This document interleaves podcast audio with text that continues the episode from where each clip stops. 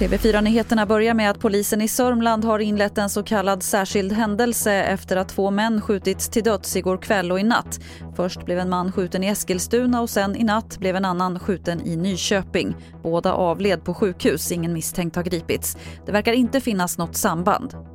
Jag kan inte säga att jag kan se något samband i nuläget. Man måste man ju självklart utreda och titta på om det finns något sådant.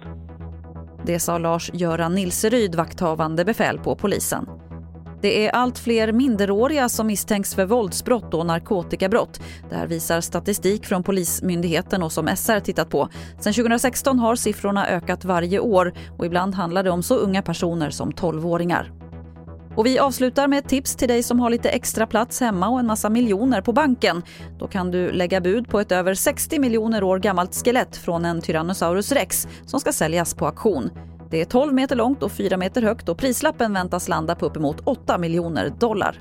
Det var det senaste från TV4 Nyheterna. Jag heter Lotta Wall.